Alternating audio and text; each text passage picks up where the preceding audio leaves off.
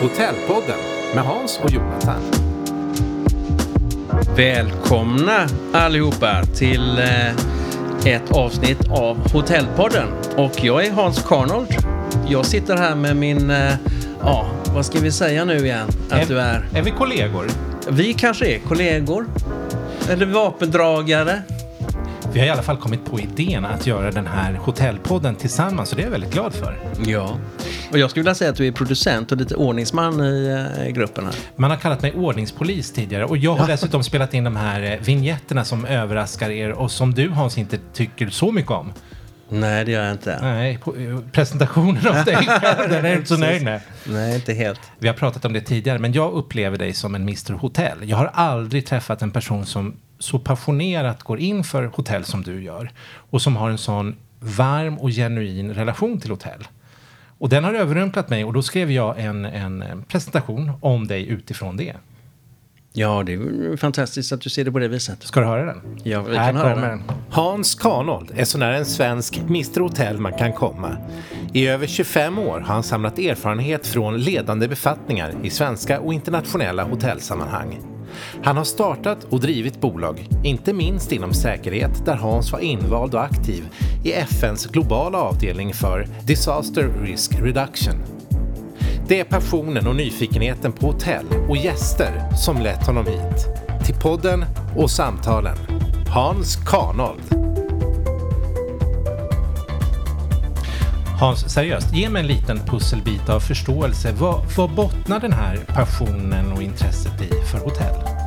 Det bottnar helt enkelt i möten med människor. Jag har varit runt ett tag och eh, träffat så oerhört mycket människor. Och jag ser den här podden som ett fantastiskt eh, tillfälle att ge en röst och ge eh, dessa underbara människor ett tillfälle att uttrycka sig och berätta om eh, sina upplevelser på hotell och sitt liv. Vi är en av dem här hos oss nu. Vi har ju det. Vår gäst på Scandic Haymarket är en framstående hotellchef. Hennes expertis och engagemang har lyft hotellet till nya höjder av gästnöjdhet och framgång. Hon är känd för sitt ledarskap och sin förmåga att fokusera på gästupplevelser. Hennes innovativa strategier och passion för gästvänlighet har gjort henne till en respekterad aktör inom hotellbranschen. Välkommen Jessica Nordgren. Varmt välkommen Jessica. Tack. Vi har teman på våra poddavsnitt och temat idag är ledarskap i huvudet på en hotelldirektör. Härligt. Det är mycket i huvudet på en hotelldirektör. ja, det är ju det. Ja. Och det är inte alla som är helt införstådda med vad det innebär att driva ett hotell. Nej. Jesse, jag tänkte att jag skulle be dig att berätta lite grann om din bakgrund. Eh, Jag vet inte hur långt bak du vill gå, men eh, de senaste ungefär 15-20 åren har jag jobbat inom flyg och hotell. Eh, Och sen 2012 så har jag drivit hotell i rollen som hotellchef och nu som hotelldirektör. Scandic Haymarket nämndes i vignetten här. Kan du beskriva din arbetsplats lite grann? För det är inte alla som eh, riktigt ser det framför sig. Ja. Eh, om man tar sig till Stockholm, Hötorget, så ligger det ett stort pampigt hus där som brukade vara ett varuhus som hette Pub. Eh, hotellet, eller fastigheten, byggdes i början på 1900-talet. Och sen var det varuhus fram till, jag tror att det var ungefär 2014 och då började man bygga om det. Så 2016 så blev det hotell.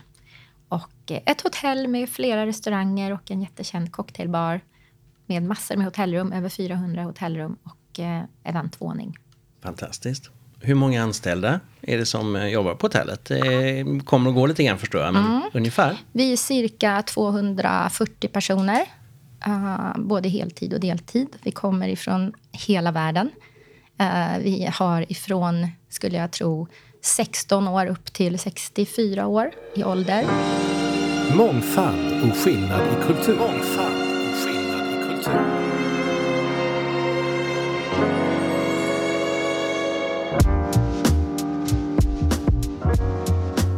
Alltså, att vara ledare på hotell innebär ju att man är...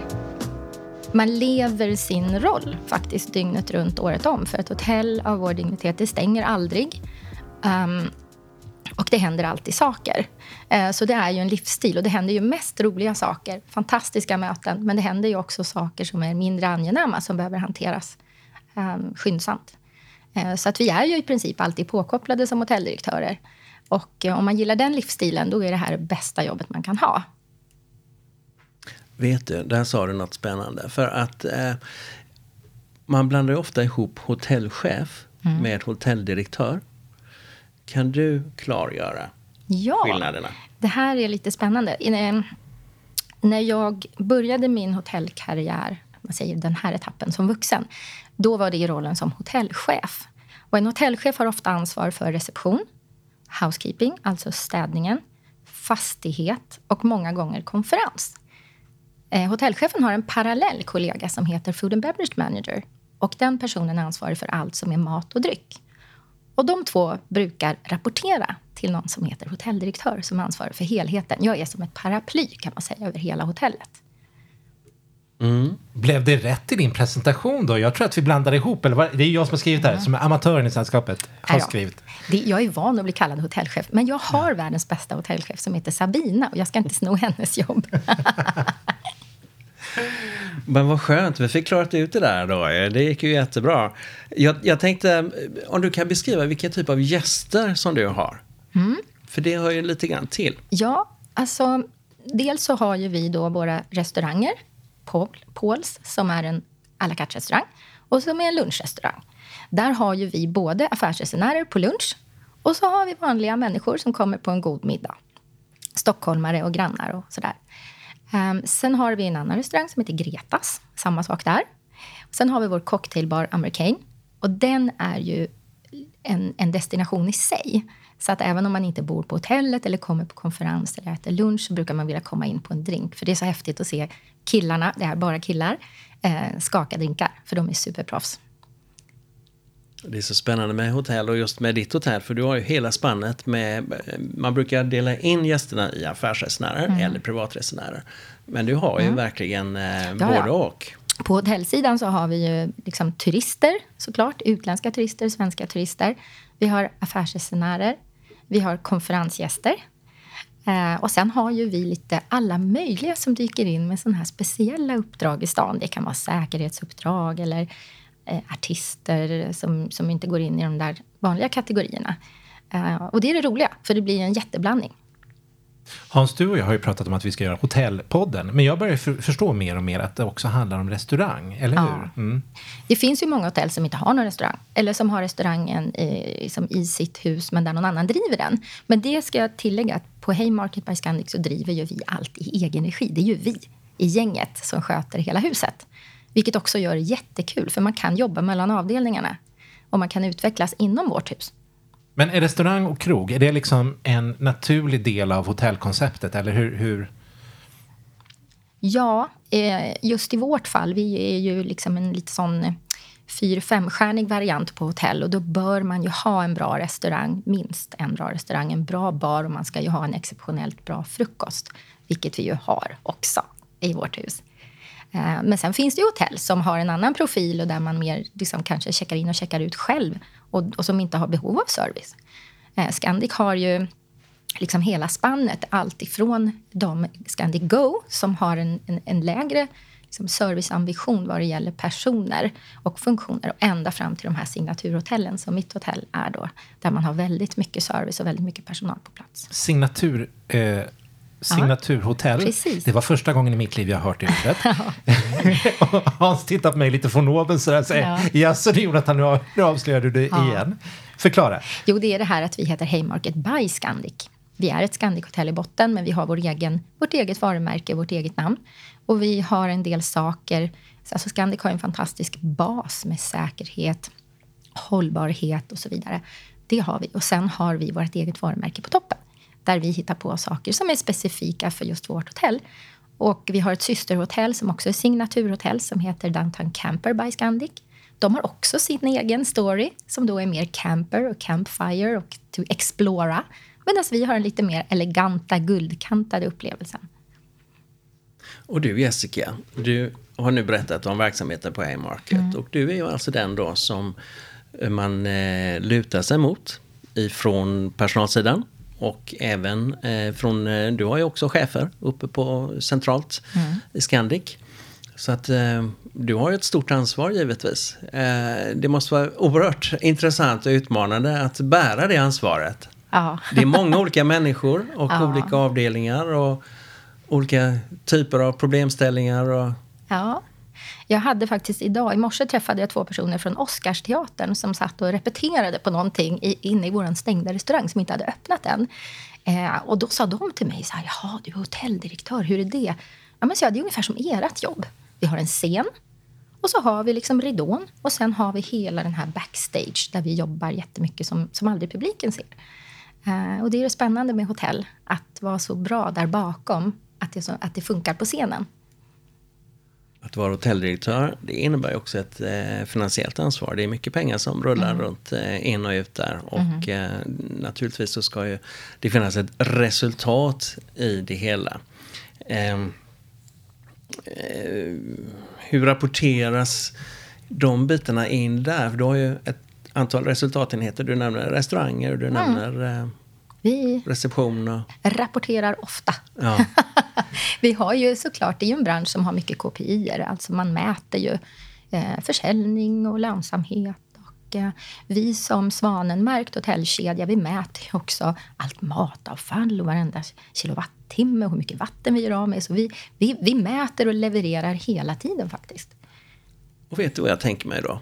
Då, är, då finns ju två stycken typer av ledarskapstyper. Vad- som jag har träffat på i varje fall, finns säkert jättemånga olika. Men om man säger front of house, att man är nere i verksamheten och eh, liksom dagligen tar tempen eh, bland personal och bland gäster.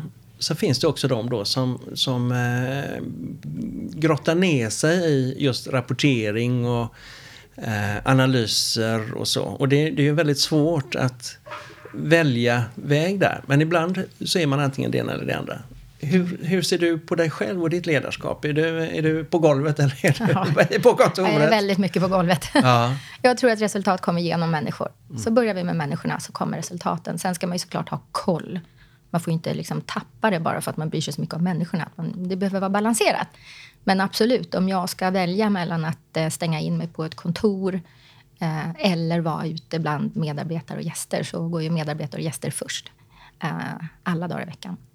Jag tror att den här poddstudion har haft över 100 gäster genom tiderna. Eh, betydligt, betydligt fler gäster. Vi har aldrig haft en hotelldirektör. Jag tycker det här är jätte, jättespännande. och lite häftigt och lite glammigt faktiskt. Oj då. Ja. Och då undrar jag, hur mycket av dig, av din personlighet, går igen i hotellet? Jättemycket. Eh, Det här är det tredje hotellet jag driver som direktör. Och det är hotellet som liksom inredningsmässigt och liksom det som sitter i väggarna som speglar min personlighet som allra bäst. Eh, vilket är jättekul. Eh, att komma till jobbet och känna att det stämmer. Det mitt humör och min inställning stämmer med dekoren. Hela, hela Haymarket är inrett för att spegla 1920-talets optimism och elegans. Och det är så jag vill ha det. Det ska Wow. vara optimistiskt och gärna lite guldkant. Det vet Hans, han har varit där många gånger. Ja, jag älskar ditt hotell. Det är fantastiskt. Men det ska också vara så att alla känner sig välkomna. Det får inte bli liksom snofsigt så att folk inte vågar komma in. För alla är välkomna. Hur hittar man den balansen? Förlåt, förlåt du hade en jättespännande fråga, men jag tar min först. Hur, hur hittar man den balansen mellan, hur ska man säga, snofsigt och välklätt och välmedvetet och, och välkomnande? Vi pratar om det jättemycket. Vi har vår egen utbildning i vad vi kallar för that Haymarket feeling. Eh, som vi är superstolta över. Som alla som börjar hos oss får gå igenom den. Där vi faktiskt pratar om det. Och det börjar med hur vi är med varandra. Tillsammans i våra team, i Haymarket-teamet. Och det är som en kokande kittel på riktigt. En jätteful bild som jag har tagit fram på som, som en häxkittel som kokar. Det är vår kultur. Och sen stänker den ut på gästerna. Och ni vet, det flyger stjärnor i luften. Lite som en sån här häxa som kokar en brygd. Eh, det är vår kultur. Det börjar med oss. Och det är så mitt ledarskap ser ut. Ja, du har ett, ett eh, speciellt ledarskap. Du är väldigt varm mot din personal och du eh, eh, får dem verkligen att bli eh, omhändertagande mot sina gäster. Den saken är klar. Och då blir jag ju lite nyfiken på... Du har ju en härlig personlighet. Eh, men har du haft någon förebild och har du någon förebild, någon mentor som du har lärt dig de här egenskaperna eller tagit till dig ifrån? Alltså jag har... Jag har tagit till mig från så många olika människor. Jag har liksom plockat eh, guldpärlorna ur många olika skålar. Det är inte just en person. Och det är klart att jag har haft personer som har varit viktiga för mig. När jag var ung, jätteung och jobbade i Åre och säsongade. Det var en, det var en sån här roll där man diskar och plockar. Och liksom, de minst, man fick stå i grovdisken och kastrullerna var större än vad jag var. Och det var väldigt slitigt då när man var riktigt ung. Uh, och då vet jag att det var en hotellchef som en dag såg mig. Hon hette Monica. Så sa hon, Jessica, du är en riktig pärla. Då tog jag med mig hur viktigt det är att bli sedd. Kraften i att alla ska känna sig sedda, för den har jag med mig fortfarande. Jag ska fylla 55 i år. Jag har fortfarande med mig att någon någon gång sa till mig när jag var ung att jag var en riktig pärla. Uh, där föddes nog min, mitt ledarskap, att alltid se alla oavsett uppåt eller neråt i organisationen. Ja. Och hur förvaltar du den? Ja du, eh, jag har sen jag blev ledare bestämt mig för att jag ska känna alla. Det spelar ingen roll om det är fem eller om det är 240 personer så ska jag kunna deras namn och de ska känna att jag känner dem. Jag vill känna dem, jag vill komma nära dem. Eh, så att jag bankar in namn. Och ibland får jag fråga någon 15 gånger, hur var det nu då? Var det Baran eller Bahrain? Eller hur var det? Så att jag lär mig deras namn och de har stort överseende. Eh, för det tar tid, det är mycket namn. Men så jobbar jag. Jag känner dem, de känner mig. Och eh, min liksom, eh, överkurs på det, som jag gör, som kanske inte är jättevanlig. Jag lär mig allas namn och sen hittar jag på positiva smeknamn. Så att till exempel har vi en tjej på housekeeping som heter Bella. Henne kallar jag för Bella Sunshine. För att varje gång jag träffar henne så är det som att solen flödar ur henne. Hon har så mycket skön energi. Så hon är Bella Sunshine. Sen har vi en kille som diskar, som också DJar hos oss, som hjälper till och finns överallt. Han heter Destiny. Jag har döpt om honom till Bestiny, för jag tycker att han är the best.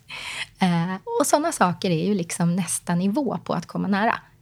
Eh, och det handlar ju enbart om att positivt bekräfta de här personerna som gör ett superjobb. Att ha ditt ledarskap, det ställer ju också naturligtvis krav på din övriga ledarorganisation också. Mm. Hur gör du då? Bygger du ett dream team så att säga? För, eller försöker du forma dem som finns eller är det några som du absolut vill ha med dig? Mm. Alltså jag tror generellt att människor som jobbar inom hospitality har stora hjärtan.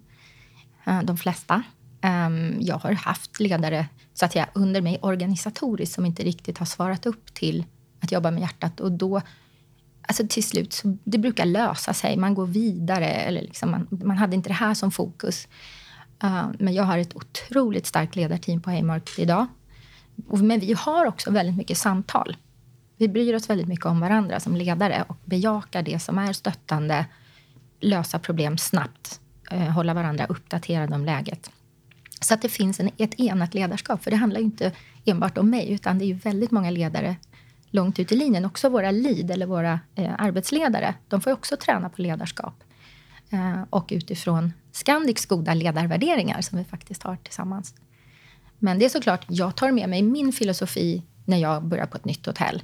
Till exempel så blir det från dag ett glasklart för alla att alla går personalentrén alla går in och ut samma väg. Så ser det inte ut på väldigt många hotell, utan det finns skillnader i tjänstemän och icke-tjänstemän och sådär. Um, men hos oss så ska det vara självklart att alla är lika mycket värda och går samma väg. Och det är bara ett exempel. Det är så enkelt. När du kom in här så började vi spontant prata om balansen mellan företagskultur, företagsförvaltande, företagsansvar och samhällsansvar. Mm. Kan du utveckla det? Ja, alltså hotell, tycker jag, med åren eh, har gått ifrån att vara någonting eh, lite lång, långt ut åt en kant där man har trevligt och där man bor och man checkar in och man checkar ut till att vara en samhällsfunktion där vi tar emot väldigt många människor som har sitt första jobb, antingen som unga eller som nya i landet. Och att vi verkligen visar vägen i hur vi samarbetar med sociala koder, hur vi tränar språk, hur vi tränar på yrkesfärdigheter. Eh, och, min uppfattning är att om vi som jobbar i hospitality verkligen jobbar med de här människorna på ett smart sätt och vi tränar på språk, sociala koder, vi tränar på ett vuxenliv för de som är unga, så går de ut ifrån jobbet varje dag och känner sig stolta, bekräftade och starka. Och då kommer de hem till sina familjer och är stolta och starka och kanske orkar hantera saker som, som är problematiska hemma vid. Um, så att vi har ett stort ansvar att ta hand om våra kollegor och se till att alla känner sig bekräftade och att man känner sig starkare när man går hem från jobbet än vad man var när man kom till jobbet. Hospitality, Hans, förklara det för mig. Nu har hon sagt det två gånger, jag fattar inte. Hospitality, det är välkomnande helt enkelt. Man pratar om hospitality-industrin. Det är reseindustrin inklusive restauranger, eh, möteslokaler, hotell.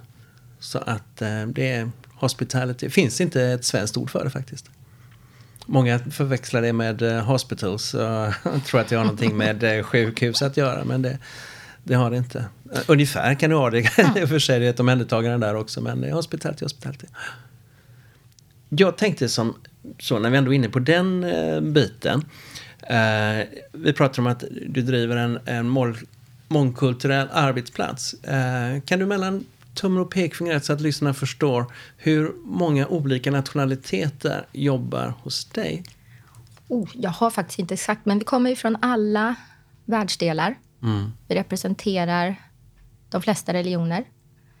Vi har väl de flesta sexuella läggningar, livsåskådningar.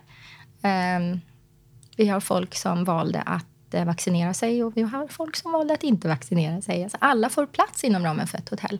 Det är jättehäftigt. Och vi har faktiskt inga sådana konflikter hos oss. Uh, och det betyder ju att det går. Alltså borde det gå på fler håll i samhället och i hela samhället. Du har inte funderat på att bli statsminister? Jo, nej.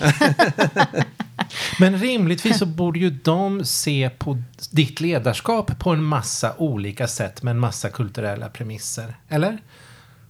Ja, fast jag tror att om man enas under en rubrik, som i vårt fall, That Haymarket Feeling, hur det ska vara hos oss, hur vi är med varandra och hur vi är med våra gäster. Om man är överens om det, om man sätter, om man sätter en ram runt det, eller om vi, vi kan kalla det för gränshantering, vilket är ett populärt ledarskapsuttryck. Man hanterar gränser. Innanför det här är det okej.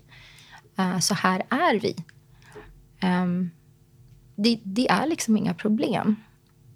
Men det gäller också hela tiden att visa vad man menar med uh, hur vi är med varandra. Och det dyker upp saker på vårt hotell som det gör på alla arbetsplatser. Hur vi hanterar dem och, och hur snabbt vi väljer att hantera dem. Det är ju det som ger morgondagens eh, företagskultur. Det som händer idag, hur tacklar vi det? Det kommer vi se resultatet av imorgon. Så att eh, det uppstår frågetecken, missförstånd. Men vi jobbar med feedback och vi fångar, fångar, fångar hela tiden. Vi har otroligt närvarande ledare i alla team som är där och lyssnar in och fångar upp. Men vad konkret? Vilka problem kan det handla om? Nej, men det kan ju vara en språkförbistring. Man säger något som tolkas på något sätt. Eller att eh, man har missförstått en instruktion. Eh, det är lätt hänt. Vi har, ju, eh, vi har ju en utmaning med språket för det är ju väldigt, väldigt många som behöver lära sig svenska på jobbet. Um, och då kan det ju bli missförstånd. Vi har, om man generell, generellt kan man säga att eh, ledarskapet i vissa delar till och med av Europa är ganska tufft. Man har en tuff retorik och får man på sig en kavaj då kan man helt plötsligt börja liksom, eh, bossa. Eh, för, det, för det är helt normalt för dem. Medan det inte är det för oss. Och då kan det uppstå en situation med någon som kanske blir befordrad som, som faktiskt blir, eh, upp, upplevs bli annorlunda. Eh, och att man adresserar det direkt. Och liksom pratar om hur vi är som ledare. Och vad som förväntas hos oss i ledarskap.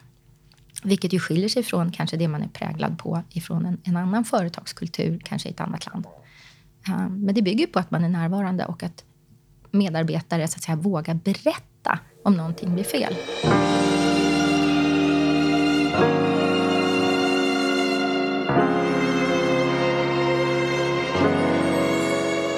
Hotellbranschen som sådan är traditionell och den är väldigt hierarkisk, mm. utomlands åtminstone. Mm. Eh, och så kommer man till dig, ditt hotell och eh, det svenska ledarskapet som är relativt platt. Vi mm. vill ha en kommunikation men så har du då eh, medarbetare mm. som inte pratar med sin chef för att de är rädda helt enkelt. Eller oroliga att de, de blir av med sitt jobb för det, det, mm. det är så det går till där de kommer ifrån. Hur löser du de bitarna? Ja, man får försöka fånga upp, fånga upp, fånga upp och liksom lyssna in och, och fråga vad menar du när du säger så här? Bara så att jag förstår. Uh, och vi har haft jättemånga såna uträtade frågetecken där det kommer fram att till exempel, jag hade en medarbetare som jobbar hos oss med oss fortfarande, som är en, en arbetsledare som hade jobbat jättehårt för det hade varit sjukdomar och, och liksom, hen hade liksom ansträngt sig maximalt. Och sen så, så fylldes det på med kollegor och behovet av att jobba så intensivt fanns inte. Men hen fortsatte. För hen trodde att nu är jag ju på den här nivån, då måste jag ju fortsätta här. Men det lyckades, som tur var, så liksom hittade jag på henne liksom ett sammanhang där jag kunde, hur är det? Oh, det är så mycket. Och liksom så här, men, men nu har du ju kollegor, nu behöver du inte. Ja, fast jag trodde att det här var den nya förväntan. Och det är lätt att det blir så. För att man kanske kommer också från en kultur där det har varit så. Så viktigt att fånga upp. Och där blev det verkligen liksom en axlarna sjönk och liksom, hen mår jättebra. Men det är lätt att det blir man liksom tror att man ser samma sak fast man inte gör det. Jag kan mm. tänka mig att eh, du stärks väldigt mycket i ditt ledarskap när du har löst en, eh, mm. en sådan tråd naturligtvis. Ja, det är väldigt bekräftande. Mm. Utmaningar och belöningar. Utmaningar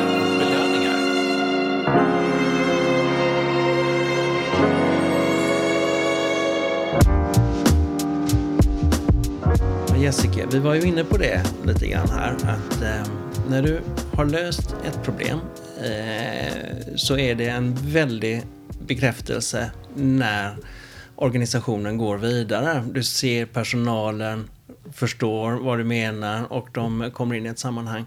När, kan du beskriva någon annan eh, utmaning som du ser i en organisation och eh, vad är den största belöningen?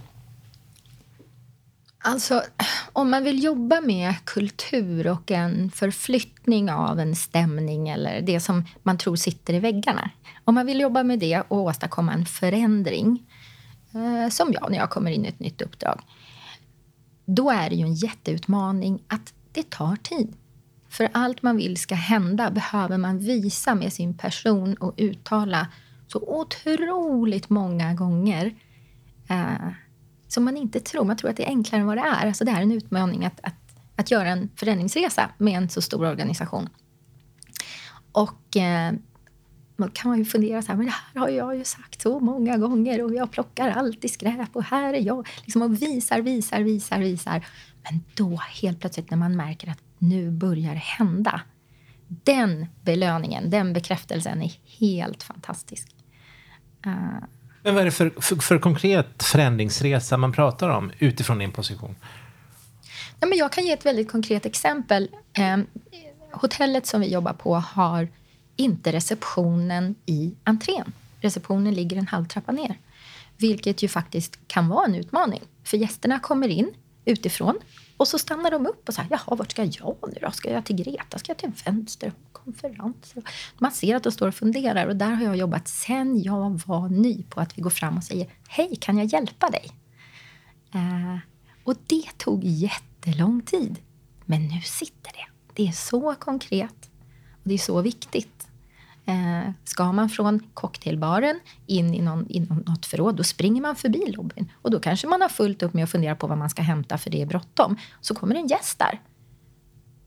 Och den som jobbar i baren kanske tänker, men jag ska bara hämta mina flaskor. Och gästen kommer in och, och tänker, här kommer en personal som bara springer förbi mig. Så att alla behöver förstå att lobbyn är ett ställe där vi stannar upp och säger, hej kan jag hjälpa dig? Eh, och det har vi förstått nu och det har tagit väldigt lång tid. Och det är väldigt belönande när jag på håll tittar ner och ser att kollegorna stannar upp och går fram till gäster. Och man kan läsa på läpparna att det sägs Hej, kan jag hjälpa dig? Testa det. Kom in och se lite förvirrad ut. Men innebär det att du har en, en målbild, en personlig målbild av hotellet, vad det ska bli när det inte är färdigt, men har du det, den målbilden framför dig och strävar efter som du detalj för detalj försöker införliva? Ja, det kan vara detaljer ibland. Eh, den där frasen är en sån detalj som är oerhört viktig, tycker jag, för gästbemötandet och upplevelsen. Men sen kan det också vara en känsla. Man vill ju, när jag kommer in på mitt på jobbet, som i lördags kom jag in och käkade middag, eh, då då vill ju jag kunna se att de ler och att det känns bra. Att de high-fivar och kramar om varandra och hjälps åt. Och så där. Eh, det är jätteviktigt. Och det är ju inget man kan kvantifiera eller så här sätta som exakta detaljer. Det är ju en känsla, det är en stämning, en företagskultur. Du nämnde att eh, den här eh, gamla klyschan, det sitter i väggarna. Mm. Och eh, som sagt var, hotellbranschen är ju en ganska konservativ bransch.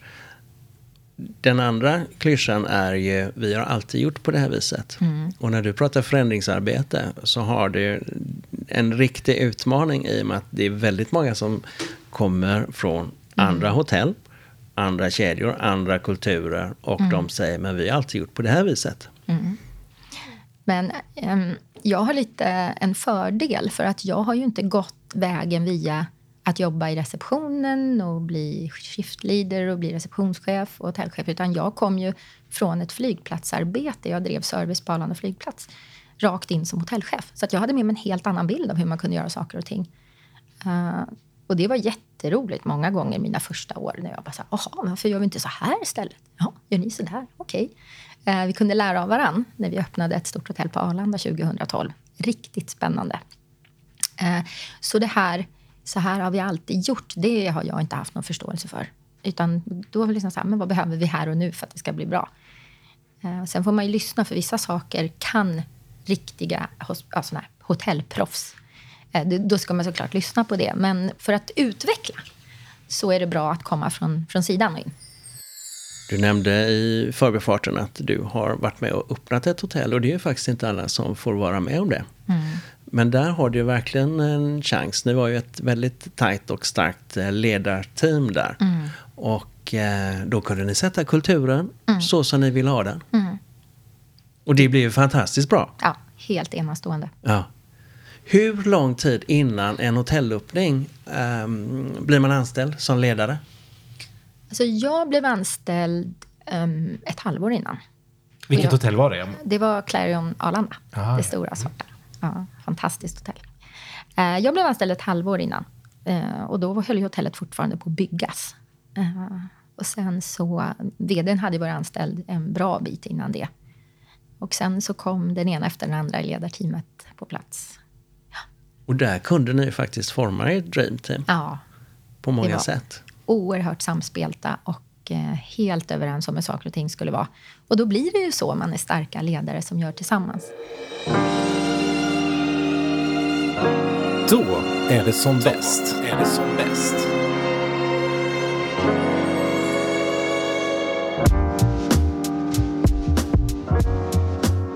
Ja, Jessica, när man pratar ledarskap och eh, en, en, komplex miljö som hotellmiljön är så kan det vara så att man fastnar lite grann och, och diskuterar utmaningar. Och vi har berört lite grann belöningsbiten. Men när känner du att det är som allra bäst att vara hotelldirektör på Haymarket? Eller på vilket hotell mm. som helst. Och det är spännande. Allt det här handlar ju om människor och när människor mår bra och man kanske ser att det spricker upp ett leende på någon som behöver det. En gäst som kommer in som kanske är bekymrad eller så. så eh, när man får ett gott bemötande, alltså de blir ju smittade av de här leendena. Det är ju jättehäftigt att se. Eh, men jag tycker också att det är som bäst, och det här är lite sorgligt, när vi hade en, en kvinna under pandemin som var i slutstadiet av cancer och hon ville säga hej då till sina vänner på något smart sätt. Så hon hyrde våran svit och så sa hon jag vill att badkaret ska vara fullt med is och champagne. För jag ska ha en hejdå-fest. Så hennes vänner fick testa sig och eh, vi höll oss därifrån. Vi preppade allting. Och sen hade hon en hejdundrande hejdå-fest och hon var så glad för den festen sen. Hon fick så mycket champagneflaskor i hela badkaret. Det var så mycket is som bars upp till sviten. Men det var så härligt att hon fick göra sin, sitt hejdå hos oss. Hon valde att göra det. Då är det också sorgligt, men då är det också som bäst när vi kan uppfylla någons önskan. Jätte, jättefint. Vilket moment. Vilket fantastisk berättelse. Mm. Mm. Jag tänker också så här att där det finns många människor, där uppstår ju berättelser och mm. stories. Mm. Och hotell, hotellet, är, hotellet är ju också en scen för alla mm. dessa berättelser. Mm. Har du? Har du någon att bjuda på? det finns så många knepiga historier ja, det var inte så länge sedan vi hade en, en man som var i upplösningstillstånd. Vi var tvungna att ta ner tavlorna från väggarna i hans rum för han klarade inte av att se axlarna på Greta Garbo. Vi fick liksom plocka ner alla tavlor och bilder på Greta Garbo. Hon är en stor del av vårt hotell, för hon jobbade i huset på 1920-talet. Så Greta Garbo finns lite överallt. Vi fick plocka ner tavlorna för att han var så upprörd.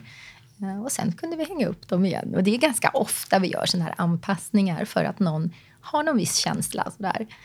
Ja, det kan bli riktigt roligt. I, I efterhand är det ju alltid roligt, men i, ibland när man står där mitt i situationen så kan det vara lite knepigt. Ja. Väldigt intressant. Eh, du har ju eh, många gäster som eh, kan jag tänka mig har lite speciella önskemål. Mm. Är det något önskemål som du känner att Nej, men det där, det klarar vi inte av? Eller ser du utmaningen i att bemöta önskemålen? Nej, alltså... Jag tror att människor, vi har inte de där värsta, för vi kanske inte har de rockstjärnorna som bor hos oss på de här riderlistorna. Men ofta, ofta så är det ju saker som är lätta att fixa. Vad är det för en Ja, men det kan ju vara så här, jag vill ha liksom, badrock och tofflor och man skulle vilja ha kanske någon extra grej på rummet som vi kan fixa. Eller så här, vi kommer och min man älskar det här, kan ni fixa? Inte vet jag, någon choklad eller någon speciell grej som man tycker om. Lägga in lite paket när folk fyller år brukar så här, kan ni göra någonting? Och såklart vi kan göra det. Man kan ju ha jättehärliga firanden och överraska folk. Och det gör vi. Det är nästan det vi gör mest. Eh, se till att överraskningar blir av. Det är jättekul. Och vi, när, när vi vet att någon ska fria, ja, det är så roligt. Berätta. Ja, men då är det ofta liksom en kille som hör av sig liksom, och jag tänker fria. Ja, och då är det faktiskt så att många gånger har det börjat med att de har haft en dejt i cocktailbaren. Det är ofta där det börjar.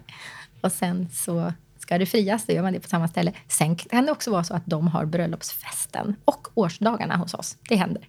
Det är jättekul. Men frierierna, det är ofta så här att den och den tiden ska vi knacka på med liksom champagne och rosor. Och så. Jättekul. Våra hotellminnen. Våra hotellminnen.